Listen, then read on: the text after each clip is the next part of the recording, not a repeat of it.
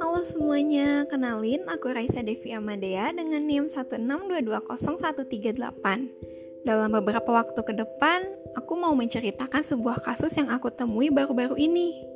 Jadi, beberapa waktu lalu, aku sempat membaca sebuah berita tentang bilik sauna yang diklaim bisa meningkatkan imunitas tubuh. Bilik sauna yang terletak di RW 1 Kelurahan Lenteng Agung, Kecamatan Jagakarsa, Jakarta Selatan ini diklaim bisa meningkatkan imunitas karena menggunakan campuran rempah-rempah sebagai bahan inhalasinya. Banyak warga mengaku bahwa sauna ini dapat menyegarkan tubuh dan membuat pernapasan menjadi lega. Selain itu, Ketua Satgas COVID-19 di daerah tersebut telah mengklaim bahwa bilik sauna ini bermanfaat dalam menekan laju penyebaran COVID-19. Mulanya, sauna ini merupakan ide dari Bibin, Ketua Satgas COVID-19 di daerah tersebut. Ia terinspirasi dari sebuah komunitas herbal yang mencoba menyembuhkan penyakit struknya dengan sauna, hingga akhirnya ia bisa sembuh. Selain itu, Menurutnya di masa pandemi ini telah banyak beredar video terapi inhalasi. Menurutnya, jika melakukan inhalasi, maka hanya sebatas hidung saja yang mendapatkan manfaat dari proses tersebut. Oleh karenanya, ia berpikir untuk menggunakan sauna, sehingga seluruh tubuh dapat merasakan manfaatnya. Akhirnya, ia pun berkoordinasi dengan RT, RW, serta masyarakat setempat untuk menciptakan bilik sauna herbal tersebut. Sekilas, sauna ini tampak seperti hasil kreativitas masyarakat yang mendatangkan banyak manfaat, terkhususnya dalam situasi pandemi ini. Namun, ternyata sauna ini pun berpotensi mendatangkan banyak masalah.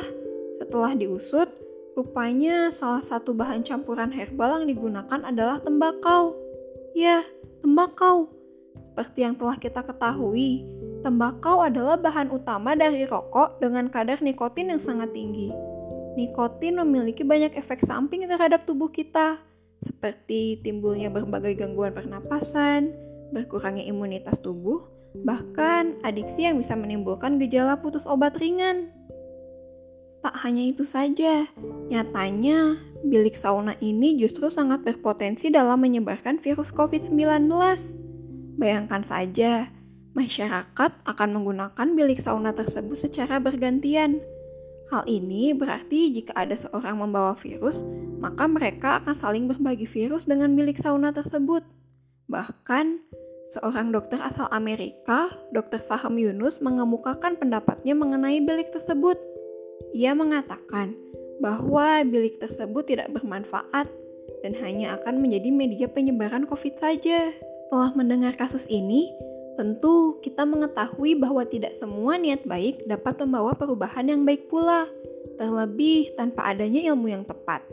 Berakar dari pengetahuan yang salah, kejadian ini malah menjerumuskan masyarakat terhadap bahaya. Oleh karenanya, sebelum mengemukakan sesuatu, kita harus memikirkannya dan mencari pembenaran atas fakta tersebut. Tentu, pembenaran yang digunakan pun harus berasal dari riset atau jurnal ilmiah tidak bisa hanya dari pengalaman seseorang saja.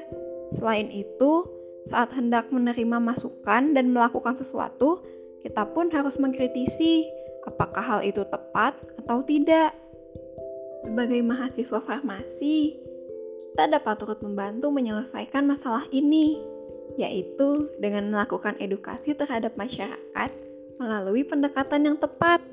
Selain itu, kita pun dapat turut mengembangkan ide kreatif dan masukan dari masyarakat agar masyarakat lebih peduli dan bersemangat dalam menghadapi situasi yang menyulitkan ini.